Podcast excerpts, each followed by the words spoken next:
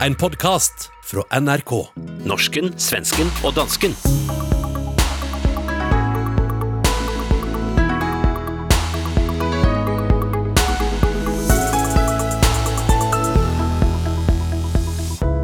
TV-kokken kjøper sex.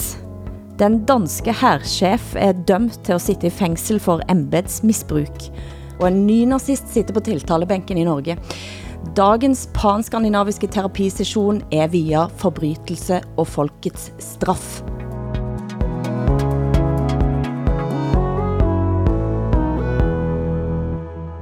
Velkommen til Norsken, Svensken og Dansken, som vanlig i Stockholm, Åsa Linderborg i København, Hassan Preisler, mitt navn er Hilde Sandvik i Bergen.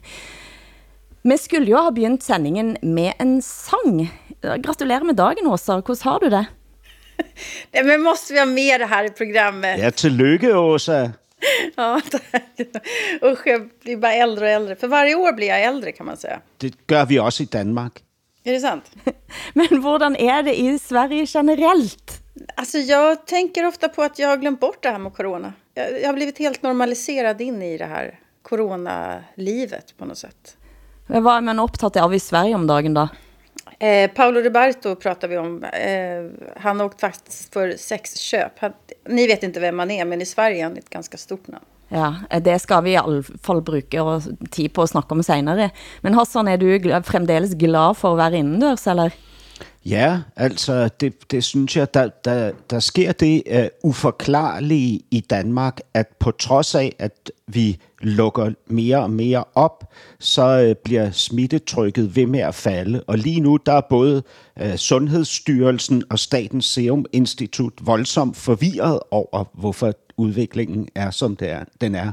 Men, men ud over det, øh, hvil- hvilket jo også er en ikke-nyhed, så synes jeg ikke rigtigt, der er sket noget i Danmark i denne her uge, ud over at en af de allerhøjst rangerende mænd i den danske her er blevet dømt for inhabilitet og embedsmisbrug og nepotisme. 60 dager fængsel.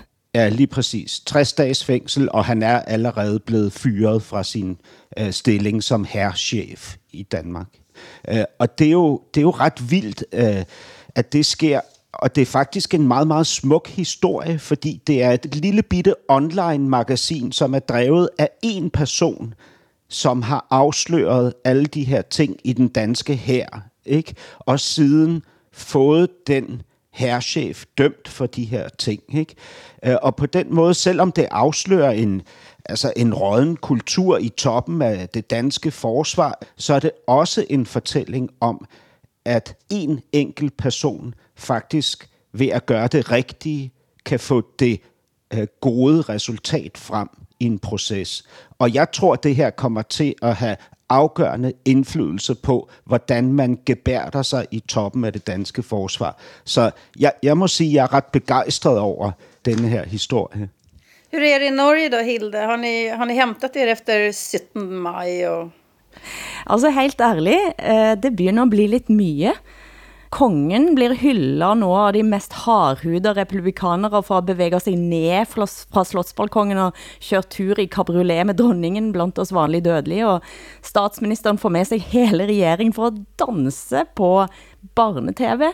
Og det samtidig med at det renner in upplysningar om, at Norge läcker som en sil.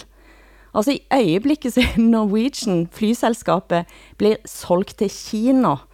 100 millioner kroner forsvant eh, til hackere i Mexico fra et statlig investeringsfond. Det er sånn 200 milliarder er sløst bort på dårlige oljeinvesteringer i USA, og altså, helt ærlig, tilliten begynner å bli litt, eh, litt råtten. Du hører norsken, svensken og dansken. Programmet blir sendt i Danmarks Radio, Sveriges Radio og Norsk Rikskringkasting. Da liveteksteren til NRK skulle skrive Gammel Jægermarsch, gik det frygtelig galt, og tunghørte gamlemor satte rømmegrøten i halsen. Gammel Jægermarsch er altså en marsch, som spilles hver 17. maj. Dette blev tema, da gutta i NRK-programmet Med all respekt skulle debriefe sin 17. maj-fejring. Fordi, hva var det som egentlig skjedde, Galvan? De skulle skrive Jegermarsj. Gam, og skre- gammel jegermarsj. Og skrev 'Gammel negermarsj'. Hvordan har dere klart dette her teksteret? Jeg prøvde å se på tastaturet. Eh, J og N. De Jo. ligger jo ganske nærme. De ligger jo, de grenser jo til hverandre. Ja, men ikke så nærme. De du er, klarer hvis du er litt pølsefingra, så kan du Men- fort klare å treffe en N istedenfor en J Hvordan på et klarer du QWERTY-tastatur. For jeg, jeg ville kanskje ha tenkt, akkurat idet jeg er i ferd med å skrive ordet Ikke skriv neger, ikke skriv neger, ikke skriv Det er det- neger. det er det du skrev. og, så, og så ender man opp med å skrive det man ikke hadde lyst til å skrive. Ja, så, han, så, så personen hen har gått rundt og tenkt sånn I dag kommer jeg til å det er sånn, Han prøvde å slutte å skrive neger. Han er egentlig sånn troll. Hen er egentlig troll på sånn nettforum-troll. Men i dag så er det sånn Ok, nå har jeg avvent meg. Akkurat som jeg som prøver å slutte å sigge. Jeg har avvent meg, jeg skal ikke skrive noe dritt. Jeg skal ikke skrive noe dritt Og så bare Ha, neger, neger! neger, troll. Og jeg merker at det gjør vondt å høre. Selv når vi diskuterer ordet, så syns jeg at det er litt vondt å si det. Med all respekt beskriver sitt konsept som en inder, en pakistaner, en kurder og en engstelig hvit sismann med dialekt, som ikke er med i denne praten, som diskuterer aktuelle, nære hendelser usensurert. Men hvordan kunne dette ha blitt omtalt i landet der N-ordet er forbudt i det hele tatt, og i kontekst? For det var det den svenske lektoren Inger Lill Aronsen ved Universitetet i Uppsala upplevde. prøvde å lære elevene sine å søke i arkivsystemene för att söka information om rasespørsmål. Hør her. De skulle ju söka i ett system. Man kan inte söka på ett n-ord. Det kan betyda så många saker. Det var i januari 2019 då masterprogrammet i arkiv, bibliotek och museer vid Uppsala universitet hade ett panelsamtal där lärare svarade på studenternas frågor. En grupp studenter hade läst att det kan vara svårt att hitta information om ras i gamla kataloger i arkiv samt på museer och bibliotek. De undrade vad de skulle göra i sådana situationer. Lektor Inga-Lill Aronsson svarade låt oss ta det kontroversiella ordet och sedan uttalade hon det fullständiga n-ordet. Det är ordet som måste sökas i arkiven, menade hon. Efteråt mejlade fyra studenter till institutionen. De ansåg att ordet saknade relevans i sammanhanget och att Ingalill Aronsson inte hade rätt att använda det eftersom hon varken är svart eller rasifierad. Detta klippet var från Studio 1 25. februari i år. Kan du förklara detta också? Ja, först måste jag säga att jag sitter här och blir alldeles kallsvettig över att svenska lyssnare ska höra det här norska exemplet med jägarmarsch. För jag tror inte det kommer att kunna sändas faktiskt. Man, man får ju inte säga ut hela n-ordet som man gör i det där klippet. Kan du ikke sige ordet lige nu, Nej, Åsa? nej, det kan det kan man, nej det, det, det skulle jag säga, det går faktiskt inte. Men det som hände med den här um, Inga Lill Aronsson på Uppsala universitet, det är oerhört sorgligt. Alltså hon får en fråga från studenterna hur, hur de ska göra för att kunna undersöka rasismen förr. Och hon säger då måste man i datorn använda, skriva ut, skriva ut hela n-ordet. Eh, och när hon talar om för dem hur de ska göra för att undersöka rasismen förr så blir hon alltså inkallad till ett möte eh, med rektor och hon får då hon avtvingas att hon aldrig mer ska säga det här ordet. Och eh, det betyder helt enkelt att hon ska aldrig kunna hjälpa studenter att söka fakta och kunskap i hur rasismen fungerade förr. Därför att det är en metod helt enkelt att, att, att undersöka verkligheten historiskt. Och det går inte. Och det är så fruktansvärt upprörande. Och det här är också ett exempel på då, som vi har i Sverige, att studenten har alltid rätt. Och det är ungefär som att säga att kunden har alltid rätt. Så att de professionella i det här fallet, alltså de som ska utbilda, pedagogerna, forskarna, lärarna, de har inte rätt. Du stusser på att man inte kan säga det, detta ordet, Hassan. Men känner du igen historien här allikevel? Ja, altså, øh, vi, har- vi har jo også nogle tilsvarende fortællinger fra Danmark. Altså, det er ikke længe siden, at Gyldendal fjernede 7-8 digte fra en af vores mest kendte digters genoptryk, øh, Halfdan Rasmussen. Og det gjorde de, fordi der i de otte digte indgik ord som nære og hottentot, øh, som man ikke... Nu, nu, kan jeg, nu tror jeg, Åsa sidder og, og hopper nervøst. Ja, det här kan inte sändas i Sverige. Ni får klippa om det helt och hållet för den svenska versionen. Jeg, jeg, har også, jeg har jo arbejdet i Sverige. Jeg har prøvet øh, noget tilsvarende, da jeg, da jeg var på Malmø Stadsteater. Øh, jeg instruerede, regisserede en forestilling, som handler om en svensk med iransk baggrund. Han beskriver en periode fra sin ungdom, hvor han blev racist og begyndte at gå i militærstøvler og bomberjakke og klippede sit hår helt kort. Så han blev jo en form for selvhadende racist, og i den periode fortalte han vidtigheder, racistiske vidtigheder. Og en af dem var, øh, han spørger publikum, ved I, hvorfor sorte mennesker er hvide inde i hænderne og under fødderne? Og ingen svarer, og så siger han, det er fordi alle mennesker har noget godt i sig.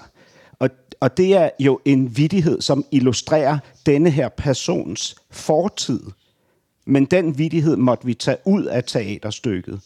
Argumentet fra teaterets side var, at det ville vende publikum mod skuespilleren, at vi bragte vidigheden. Men jeg tror, det handlede om, om noget meget alvorligere. Jeg tror, det handlede om frygt. Mm. Eh, Karl Ove Knausgård har kallat detta eh, dette for et slags språklig renholdsarbejde. Som om at vi blir bedre mennesker hvis språket blir renska ut. Ja, så det är en väldig upptagenhet vid, eh, vid enskilda ord hela tiden. Att språket är verkligheten och så tror man att bara man slår ner på vissa ord så kan man förändra saker och ting och så kommer allting att bli bättre. Och så enkelt är det ju verkligen inte. Och vi behöver ju ha ord ibland för att kunna förklara vad det är vi vill identifiera som problem. Man får inte säga för ort längre i Sverige utan man ska säga orten. Man får inte säga socialt utsatta områden utan man ska säga någonting annat. Det finns alltid olika ord för vad man får säga och inte säga. Eh, och de flesta behärskar inte det här, det här eh, ja, akademiska lingot helt enkelt. Så att väl, och inte ens vi som är akademiker behärskar allting för att det förändras väldigt snabbt också för det är nya teoribildningar det är väldigt lätt att göra fel och då är det någon sån där polis som kommer och hugger en i huvudet. Det är en ganska känd fredsforskare i Danmark nu, Hassan Ole Väver, som statsviter eh, har jobbat som fredsforskare i många tio år, eh, och nu blir i fjol blev anklagad för rasism i ett tidskrift.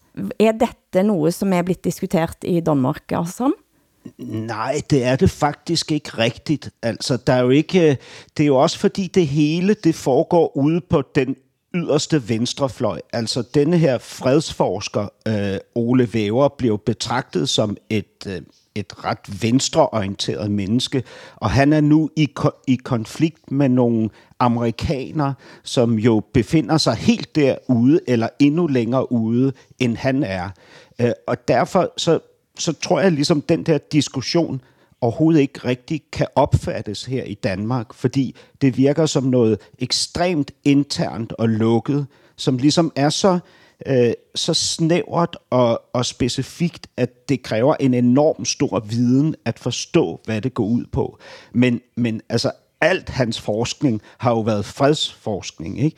Altså intet andet. Han har jo aldrig nogensinde haft nogen agenda, der ligesom handlede om at ophøje den hvide vestlige kultur og ned, nedgøre den sorte afrikanske øh, kultur, sådan som det er blevet udlagt lige nu. Og han kan ikke komme til at forsvare sig, fordi de her magasiner vil ikke optage hans øh, modsvar. Så det bliver sådan nogle, nogle endnu mere marginaliserede comebacks, han ligesom får mulighed for at komme med. Ikke? Mm. Jeg lurer på om de har klart at, at publicere et, et svar nå, men argumentet her er at hans teori er hvit, han upprätthåller et hvitt voldelig regime, eh, designer for at understøtte white supremacy og hvitt overherredømme. Men helt ærlig, Hassan, du, du, har jo faktisk, du er en av dem som kunne ha kommet med en slik kritik i ditt tidligere liv. Det, det är rigtigt. Øh, och det du henviser till det är ett sort kapitel i mitt liv, fordi jag har varit extremt identitetspolitiskt aktiv. Alltså, jag jag grundlade sammen med en lille gruppe människor, en bevægelse, som jag kallade bevægelsen Brun. Och den skulle kämpa för brune människors rättigheter till färre och ordentlig representation i medier och kulturlivet. Ikke? Og, og så samlede vi så de her brune mennesker i en flok i protest mod øh, den uerkendte, dominerende og undertrykkende hvide racisme. Øh, det var vores formål dengang. Kan vi ikke, kan vi ikke høre et lite klip ifra en dukketest, Ja. som du står bak? Og det, som testen går ud på, og som illustreres i filmen, er, at man vil forsøge at finde ud af, om farvede, sorte børn har en præference i forhold til en hvid dukke, når de placeres over for valget mellem en sort og en hvid.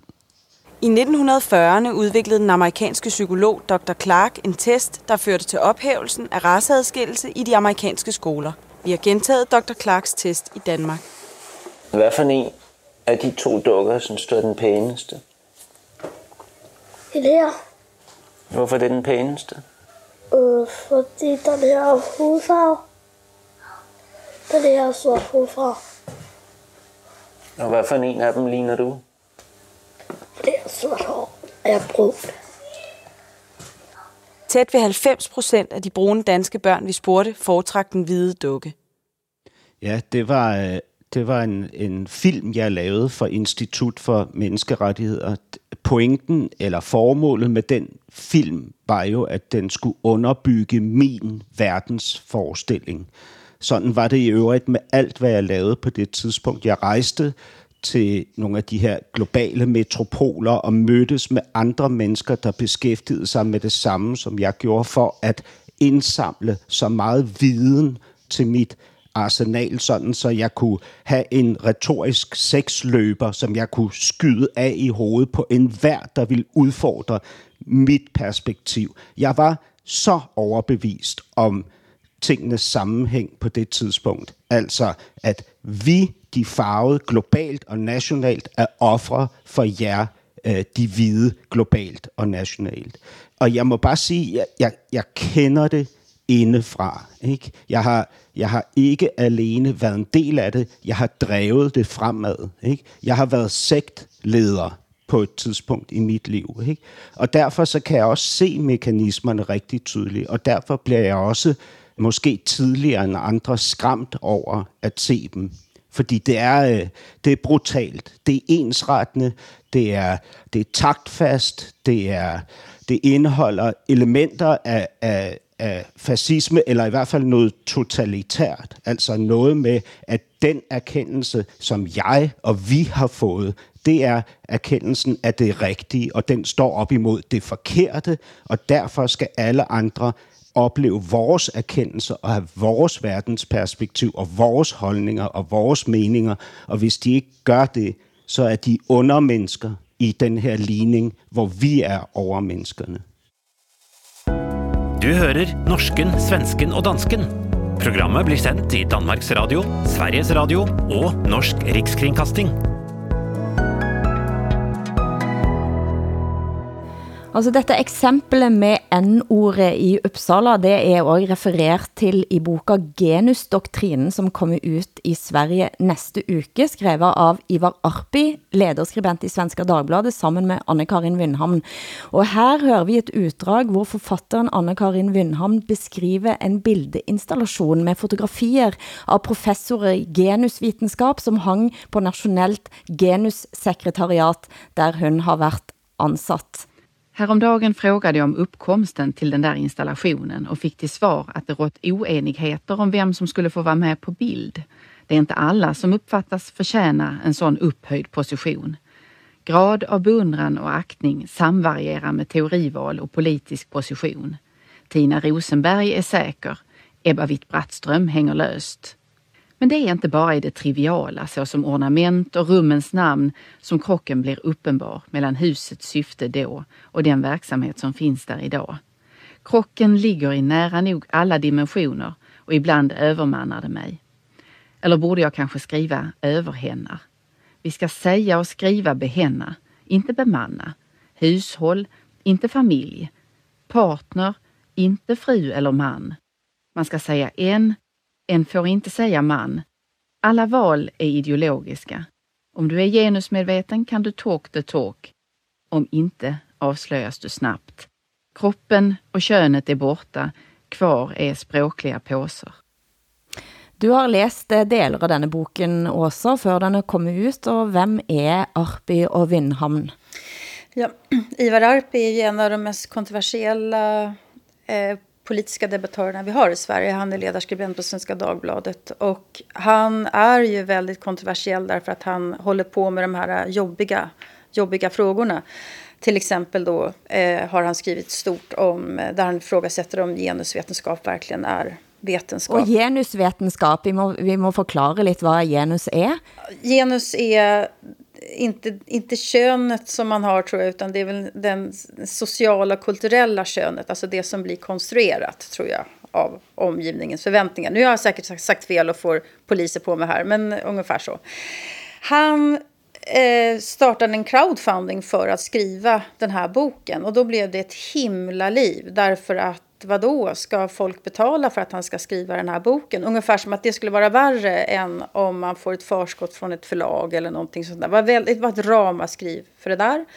Under arbetets gång så får han kontakt med Anna-Karin eh, Winman som alltså då har varit, eh, jobbat i många, många år på nationella sekretariatet för högsta Sovjet, håller jag på att säga, för, för genusvetenskaper i Göteborg. Eh, och de har då kommit ut med den här boken nu som kommer, som kommer all, ja, alldeles snart om några dagar här. Och den är redan då ifrågasatt såklart. Och frågorna som de ställer där, är genusvetenskap verkligen en vetenskap? Och den frågan är för stor för att ta upp här. Men vad de konstaterar är i alla fall att, att eh, genusteorierna ska genomsyra alla discipliner på universitetet. Och det handlar helt enkelt om att man ska ha rätt ordval, rätt sorts litteratur, man ska ha rätt perspektiv.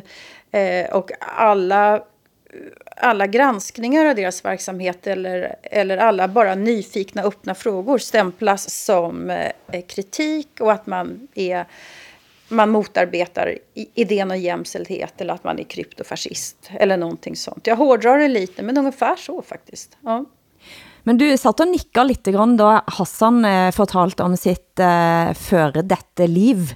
Eh, det kan ju minna lite detta. Ja, alltså Boken bygger ju på väldigt många olika exempel. Eh, och nu kommer alla exempel säga så här, men det var ett specifikt exempel, det där gills inte, eller det där var någonting särskilt eller så. Men de lägger ju faktiskt ett mönster här, kartlägger ju någonting. Ett exempel som upprörde mig väldigt, väldigt mycket det är en forskare som heter Erik Ringmar på eh, Lunds universitet. han har länge vad jag förstår haft en kurs som handlar om förra sekelskiftets konservativa eller reaktionära tänkare. Att man ska läsa källorna helt enkelt. Och då tyckte Eh, ett par studenter där att det finns inga kvinnor på den här listan. Helt enkelt därför att det finns ju inte så många kvinnliga fascister helt enkelt som har uttryckt sig teoretiskt. Eh, men det gick inte de med på. Då krävde de att Judith Butler, som ju är då queer-teoretikern framför andra, ska vara med på den här listan trots att det skiljer hundra år i, i, i produktionstid och hon inte kan räknas till, till de där tänkarna överhuvudtaget. De krävde det och hon fick vara med på den här läslistan. Och själv så säger hon att jag vill inte bli utnyttjad på det där viset. Det måste vara upp till en lärare själv att bestämma. Den läraren är nu försvunnen, eller han blev utköpt. Han får inte vara kvar. Eh, och det är extremt repressivt. Det, altså, det handler ganske mye om hvordan for det läggs krav eh, fra forskningsfond om at man skal lägga an et könsperspektiv eller et genusperspektiv ind i alle fagdiscipliner for at man skal snu maktstrukturer inifrån. Og man, man kan tänka, är, är inte det bra då? Ja, men alltså, jämställdhet, det, det tror jag nog att eh, alla, alla, män, alla demokratiska människor, hävdar jag ju bestämt, måste ju vara för jämställdhet. Men det här handlar om att man ska tillämpa ett specifikt eh, teoretiskt perspektiv som ju är väldigt, väldigt politiskt i hela sin ansats. Och om alla andra discipliner, alltså även alltså teknik, kemi, rubbet, ska ha eh, ett genustänkande säger man. Men genusvetenskapen behöver ju till exempel inte ta hänsyn till biologi eller sociologiska frågor och sånt. Det behöver inte de bry sig om. Va? Utan det här är ett ensidigt perspektiv som, är, som jag skulle säga är, är väldigt politiskt och som dessutom hamnar i konflikt med sig själv flera gånger. Det är ju lätt att göra fel eh, och omöjligt att kritisera eftersom man inte fattar deras specifika lingo eller de här snårigheterna som sällan faktiskt har med verkligheten att göra. Hassan, du, du fortalte om ditt forrige liv, så säger du att du önskar att ha en sexlöpare som du kunde skjuta ner alla argumenter med. Och jag satt och tänkte på inskriften som står över universitetsaulaen i Uppsala, där mottoet står skrevet med stora guldbokstäver, tänker fritt är stort, men tänker rätt är större.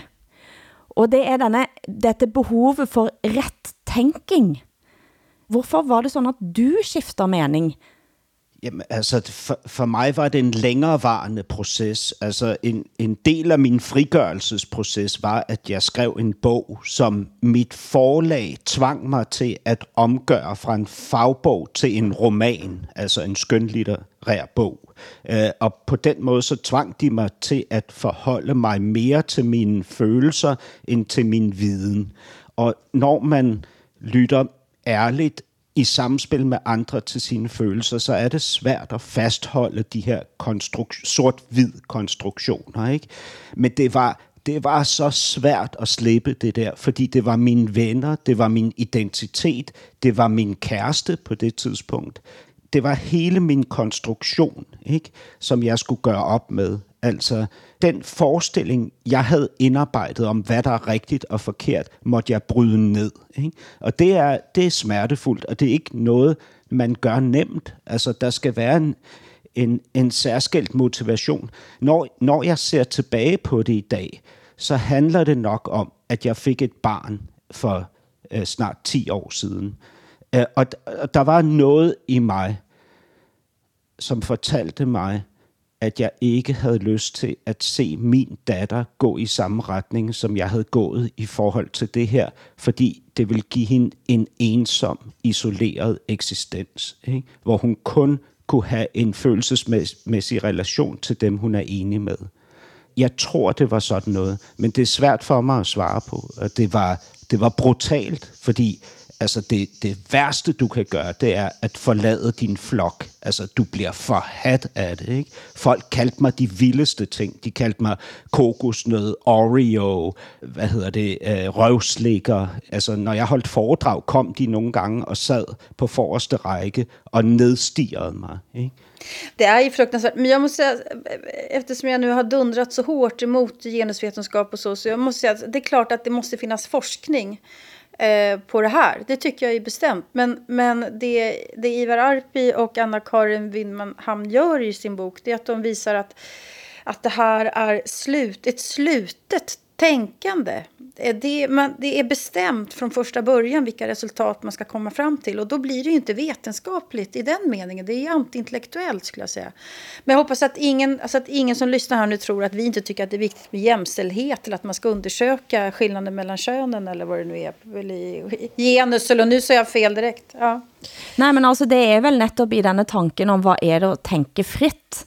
Eh, og jeg har jo av og til lurt på, hvorfor det er blitt omverdens syn på Sverige, at eh, debatten styres av radikalfeminister, og eh, hvis man går, går helt tilbake i de klassiske klippene, så kan man høre her eh, et tv-reportage fra Kjønnskriget, som ble sendt på SVT i 2005, eh, der Irene von Wachenfeldt eh, citerte skummanifestet av Valerie Solanast.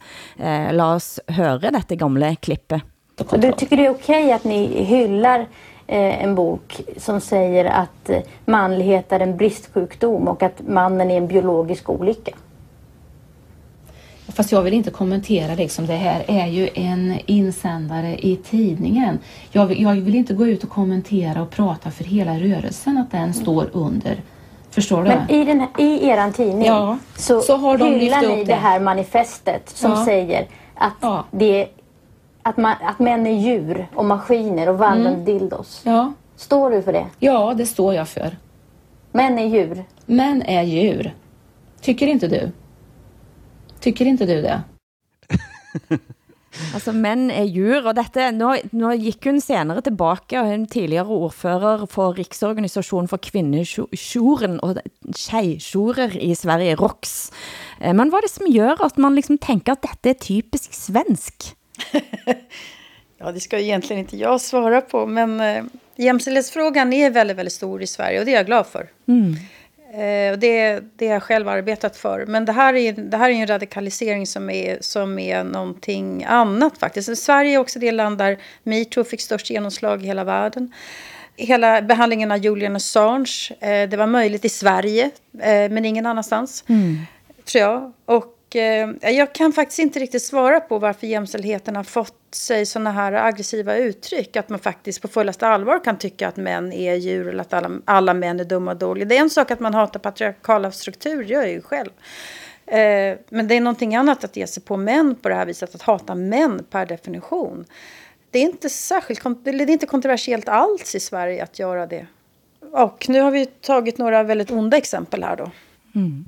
Vi kan høre en, for å gjøre det litt lettere, en sketsj eh, fra Tett på sannhet med Jonathan Spang, som har en liten parodi på Broen, hvor eh, en dansk etterforsker ankom et svensk åsted med den kulturforvirringen som uppstår. Hør her. Den eh, misstänkte personen beskrivs som eh, en människa. Ja. Ja, det är det. Er det det, du har? Ikke noget øh, hårfarve, hudfarve, noget etnicitet? App, app, app, app. Du kan inte koppla en mördare till en hel etnisk grupp. Det går inte. Ja, det er måske meget fint at vide, om vi leder efter en øh, hvid, fedladet mand fra whiskybæltet eller en mørklødet Malmø-gangster. Bare... Vi har inga gangsters i Malmö. Nej, det har I ikke. Nej, ikke så længe I sidder på jeres flade røv op i Stockholm og læser jeres gennemcensurerede aviser skrevet af nogle pussy whip feminiserede MeToo-agtige kastrerede journalister, der ikke tør kalde en spade for en spade eller en asylansøger for en stor kriminel narkogangster. Er færdig? Det er da lidt mærkeligt. Synes du ikke, at der bliver skudt flere mennesker her i Malmø på en helt almindelig hverdag, end der gør på et år i Mogadishu? Det kan da ikke kun være fordi, at der ligesom er tilbud på shirtboller i IKEA. Det må da også have noget med tonen i debatten at gøre, ikke? Så griner danskeren. Men dette er jo liksom, dette, det spiller på absolut alle for, fordommer, og man har for så vidt både mot dansker og svensker da. Eh, men er det noe vi går glipp av? Er det noen nyanser som forsvinner?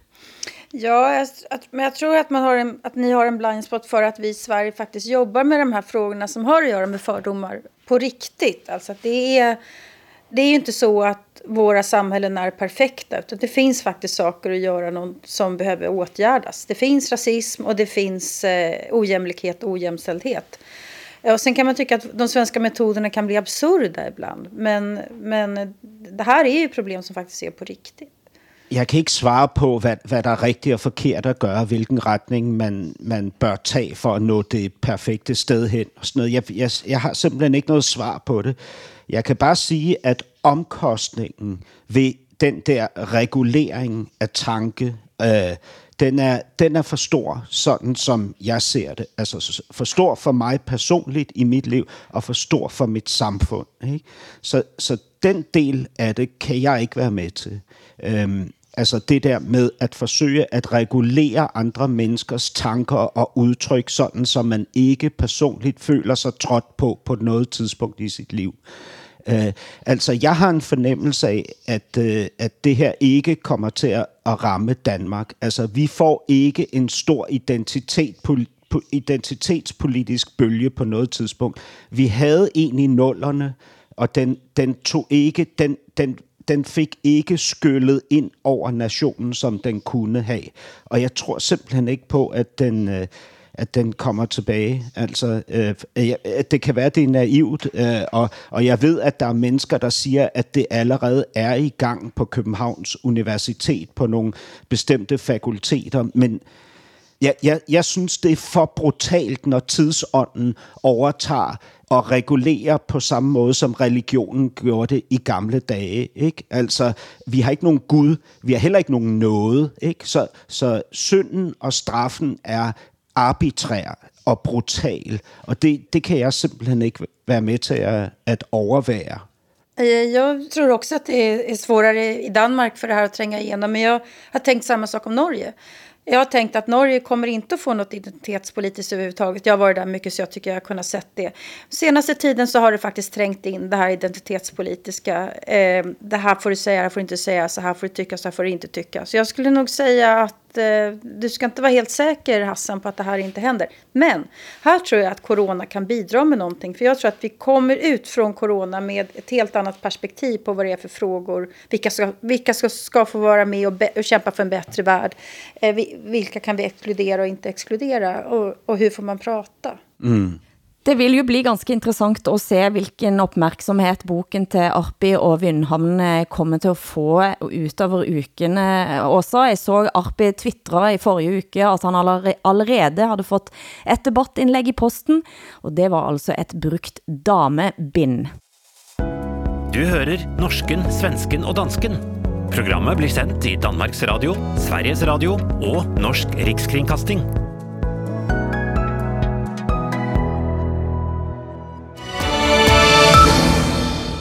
Här är nyheterna på TV4 Play. Programledaren, krögaren och entreprenören Paolo Roberto, bland annat känd från TV4, har tagits på bar gärning i en sexköpsrazzia. Han är en av flera män som var inblandade i en riktad insats mot sexhandel i centrala Stockholm i natt. Åsa, vem är Paolo Roberto? Paolo Roberto är en profil i Sverige. Han är programledare för en sån här dokusåpa som heter Farmen. Han eh, har eh, profilerat sig som sån här träningsmästare som man ska följa hans sunda hälsoråd.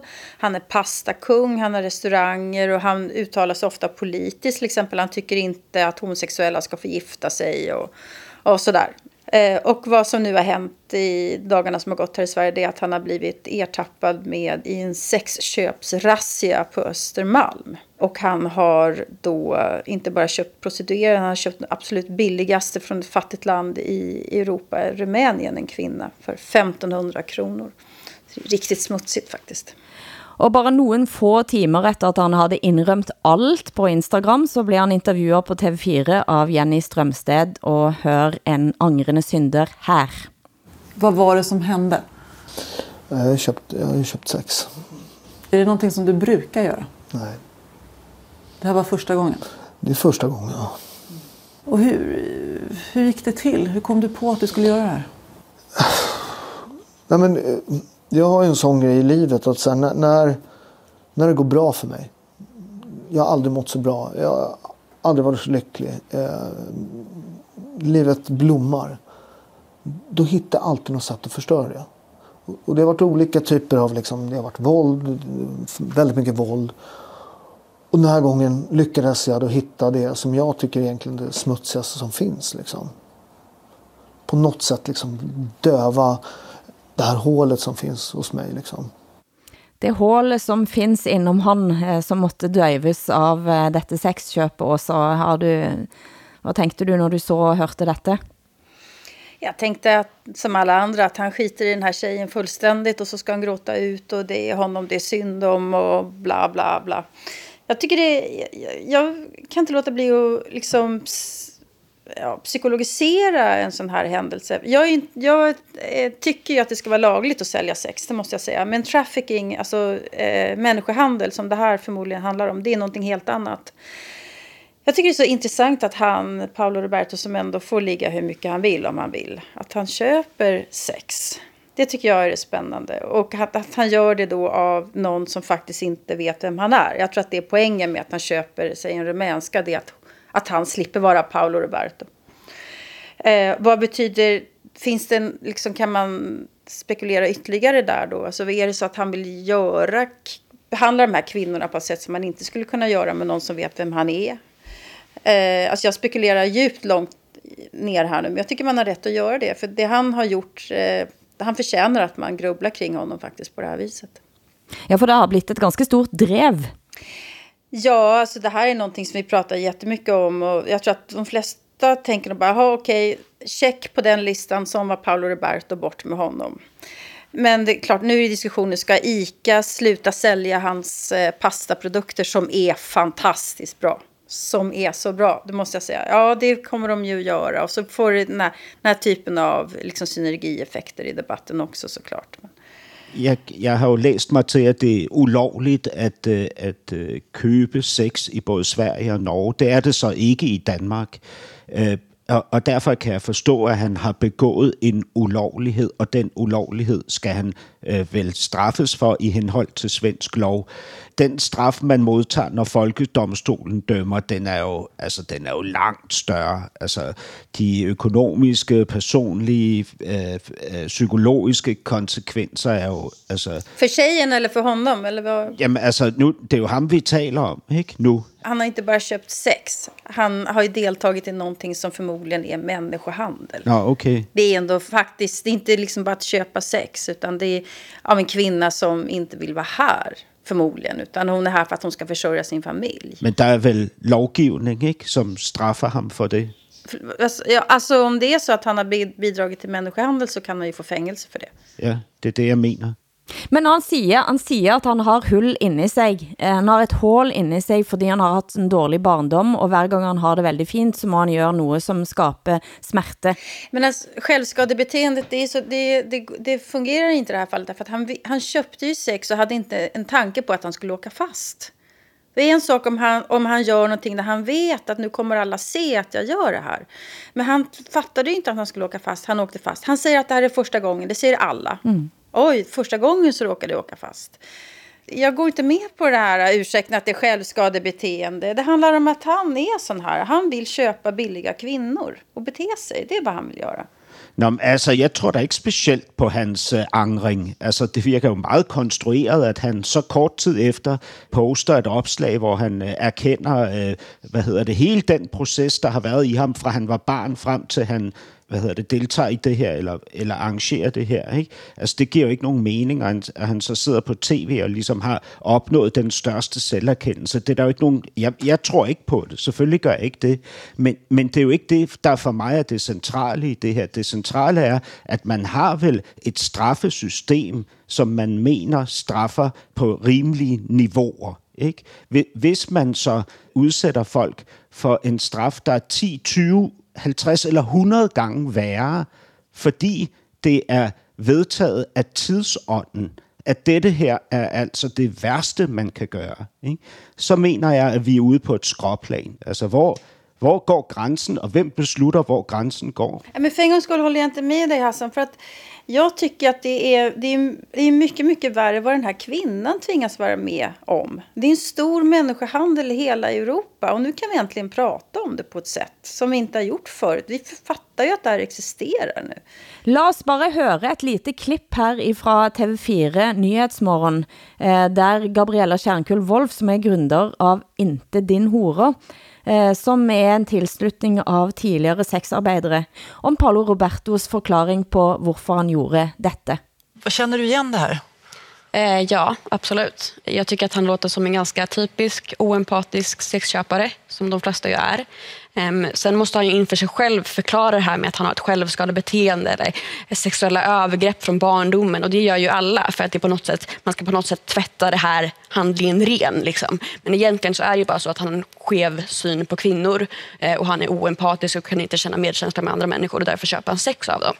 Hur får det, eh, det här, de här uttalandena dig att känna dig? Jag blir arg. Ehm, jag tycker att det... Jag blir arg över att han på något sätt får sätta agendan för hur det här samtalet ska gå till. Alltså, jag tycker att det är skitbra att vi pratar om att Paolo Roberto har köpt sex. Men här blir det väldigt mycket hans perspektiv som styr och han får berätta om att det här är ett självskadebeteende och han har varit med om sexuella övergrepp i barndomen och det här har orsakat en massa konsekvenser för honom i hans liv. Man bara, vem bryr sig? Det är du som har begått den här handlingen. Du får ta ansvar för det nu. Anledningen till att vi visar den här intervjun, och vi vet ju att det är kontroversiellt, det handlar ju också om att det är ju så här män resonerar. Ger det någon ledtråd till hur man ska kunna bekämpa den här människohandeln också? Vad säger du? Eh, ge honom en grundkurs i empati. Han trænger et empatikurs, Hassan. Jamen altså, prøv at høre. Jeg, jeg har gennem årene set dokumentarfilm og fiktionsfilm, som skildrede trafficking og øh, prostitutionslivet, både her, også i Sverige og i Europa generelt. Og det er frygteligt. Altså, det er så brutalt, det der foregår, som vi ikke forholder os til. Jeg er fuldstændig med på det. Det er sindssygt smertefuldt at, at bevidne, hvad der sker. Jeg, jeg er fuldstændig med. Mm. Der er 14 procent af danske mænd, som har besøgt prostitueret. Ikke? 14? Har du? Har du købt sex? Nej. Men altså, prøv at høre. Vil, vil jeg sige ja, hvis jeg havde? Nej, men altså, jeg mener, en av ti i Sverige blir det sagt. I, I rapportagen med Paolo Roberto så blir det sagt at en av ti mænd køber sex. Eh, og denne moralismen som, eh, som Hassan snakker om her, er det ingenting i det och sånn? Ja, men alltså jag, jag eh, upprepar det att jag, jag tycker att man ska ha rätt att sälja sex. Jag, så, jag så liberal eh, är jag faktiskt. Men jag är så emot eh, människohandel och jag är så emot att Paolo Roberto sitter och gråter ut i, i TV4 och vill att vi ska känna empati för honom. Eh, och han har fortfarande inte yttrat ett ord om den här kvinnan. Mm. Men, men, men alltså, spørgsmålet är om vi vill acceptera en lov, där straffen var, hvis du involverar dig eh, i prostitution, alltså köper sex hos en kvinna og det viser sig, at det involverer menneskehandel, så er din straf, at du skal modtage to års fængsel, plus du skal have frataget dit levebrød, du skal udskammes for altid. Øh, alt, hvad du beskæftiger dig med, skal folk holde sig fra at røre ved. Nej, men det, det, kan jag hålla, det kan jag hålla med om. Och Jag kan ju tycka då att det är väl upp till var och en ifall man vill köpa Paolo Robertos pasta till exempel, konserverade tomater. Det får man väl bestämma själv. Vi har klipp fra en av Sveriges største podcaster med Mia Skæringer og Anna Mannheimer, og her er deres analyse. Det handlar ju också om det här som vi har pratat om förut när man säger så att män har inte så svårt med sina känslor, de måste ta hand om sina känslor, alltså de visar inte känslor. Jag tror tvärtom återigen. Män är absolut överkänsliga. Alltså vi har sett det så många gånger. Det räcker att en flickvän gör slut, att man har gjort självmål, att man har gjort någonting. Fram med picken, fram, Fram med kuken. Och, den, det konstiga är att den står. Ja, alltid. Den står i, I alla ja. lägen där man börjar skylla på sina håligheter. Då verkar kuken stå. Då blir man kåt. Kuken är fylld av hål. Män är fullkomligt överkänsliga. De är hysteriska. Vad, vad män måste lära sig är så här, jättebra att du har känslor, men andas, ta ett djupt andetag, räkna till tio. Tä- Och ja, det var jobbigt när du var liten, men nu måste du lugna Men det här att, jag, att man omedelbart ska reagera med kuken i varje situation. Nej, men jag De är- undrar, rinner känslorna ner i Neråt, kuken? Ja. Hassan? Prøv at høre, jeg, du spurgte mig før, om jeg er gået til en prostitueret. Det har jeg ikke. Men jeg har jo mange gange indgået i, i relationer med kvinder i indlandet og i udlandet, hvor penge og magt og position var den afgørende uh, ting i relationen mellem mig og hende. Altså min magt, mine penge og min position. Ikke? Men du sa når du hørte om Mia Skæringer og Anna Mannheimers eh, udtryk om at eh, kuken virker altid, så sa du, det er helt sant. Nej, nej, det, det jeg sagde var sandt, det var, at mænd er dyr. Ja, Menar du att absolut. män är djur, Hassan? Mænd er dyr, selvfølgelig er vi dyr. Men alltså odjur eller...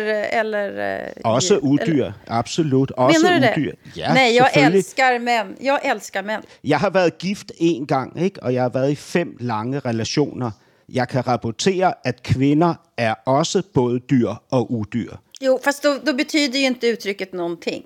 Nå, men, men altså, vi kan jo ikke lave en opdeling på den måde, at det ene køn er dyr og udyr, det andet er ikke. Men absolut er vi da også dyr og udyr. Jo, jo, men om kvinnor också är det så, så blir det ju liksom diskussionen ointressant. Jag är så jävla trött på att man ska hata män, att man ska beskriva män som lägre stående och att man ska generalisera kring män. På samma sätt som män har generaliserat kring kvinnor hela tiden så gör man kvinnor det kring män på det mest aggressiva sätt. Jag är skittrött på det, det borde du också vara Hassan. Men det er der også, selvfølgelig er jeg det. Det er da klart. Altså, hver- hver eneste gang. Jamen prøv at høre, når, øh, selv når du, Åsa, som jeg elsker, når du taler om de patriarkalske strukturer, ikke, så mærker jeg skammen. Og, så, og når jeg mærker skammen, så mærker jeg vreden, ikke? Altså, ja, jeg er da røvtræt. Jeg er da ubeskriveligt træt af, at jeg via, via mit køn skulle indeholde en eller anden dæmon, som, som er bundet til mit, til mit Y-kromosom. Altså, det giver jo absolut ingen mening. Der fik du gang i mig. Vad bra. Du är underbar. Nej, men, men Hilde, det var fordi du spurgte på et tidspunkt, hvilken proces, der ligesom gjorde, at jeg trådte ud af den her identitetspolitiske sekt, jeg var i, og, og vendte tilbage til virkeligheden sammen med øh, alle jer andre. Øh, og det var jo det, at jeg, at jeg fik et barn, og at jeg, jeg blev ældre, og, og en ret ubehagelig oplevelse, jeg havde. Fordi da jeg var ung, læste jeg ligesom alle andre på venstrefløjen den bog, der hedder Fahrenheit 451 af Bradbury, som jo ligesom handler om statscensur og, og den her øh, overmagt, som brænder bøgerne, borger, de bøger, som borgerne gerne ville læse. Da jeg sad midt i, mit, øh, i, i afslutningen af min identitetspolitiske virke, der læste jeg en, et interview med Ray Bradbury, og i den avis, der siger Bradbury, at folk har taget fuldstændig fejl, fordi den handler om et samfund, hvor, som er blevet så fragmenteret, så mangfoldigt, som har splittet sig ud i så mange minoriteter, der hver især kræver, at de fornærmende passager i bøgerne slettes, at der ikke længere er andet end fodnoter tilbage i bøgerne. Altså bøgerne er blevet reduceret til ingenting. Og på det tidspunkt, træder staten til og brænder de bøger, som ingen alligevel læser. Så han mener ikke, at det er staten, der er farlig for bøgerne. Det er det fragmenterede samfund ikke? og krænkelsesparatheden. Du hører norsken, svensken og dansken i SR, DR og NRK.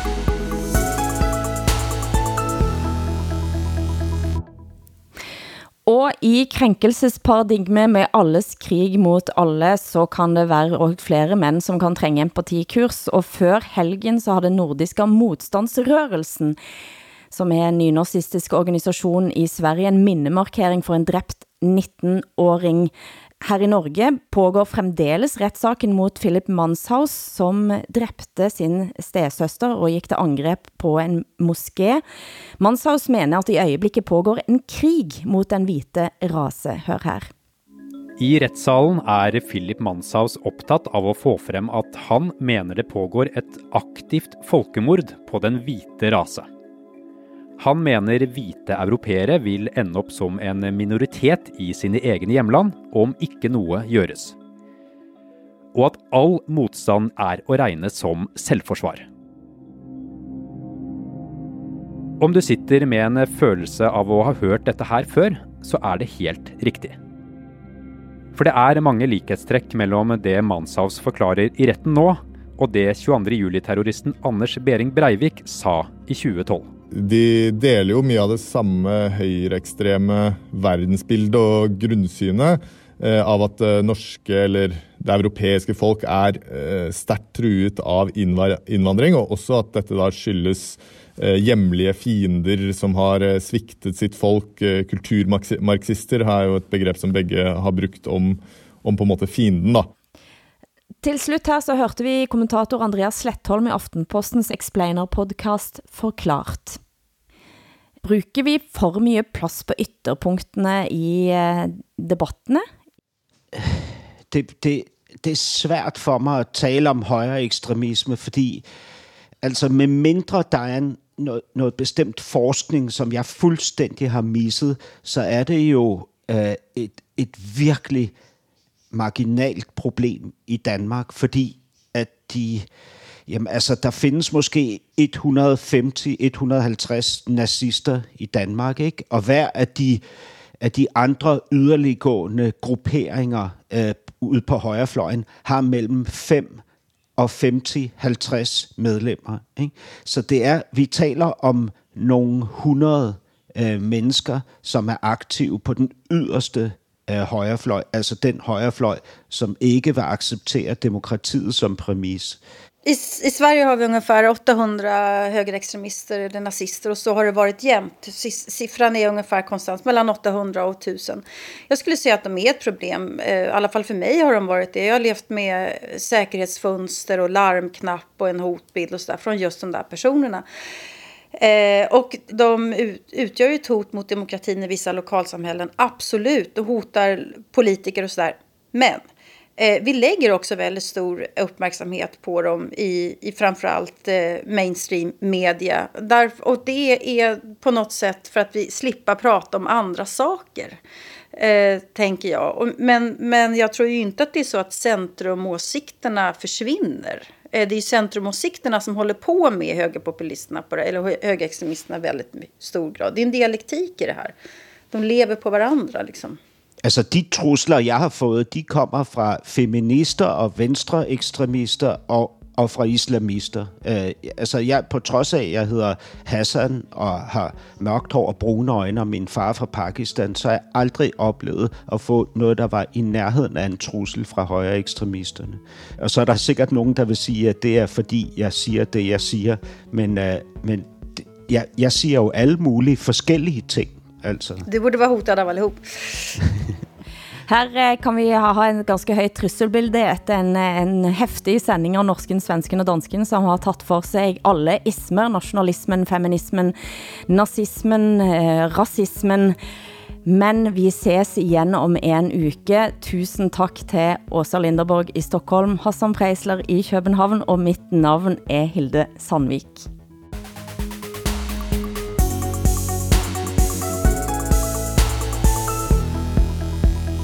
Du har hørt en podcast fra NRK. Hør flere podcaster og din favorittkanal i appen NRK Radio.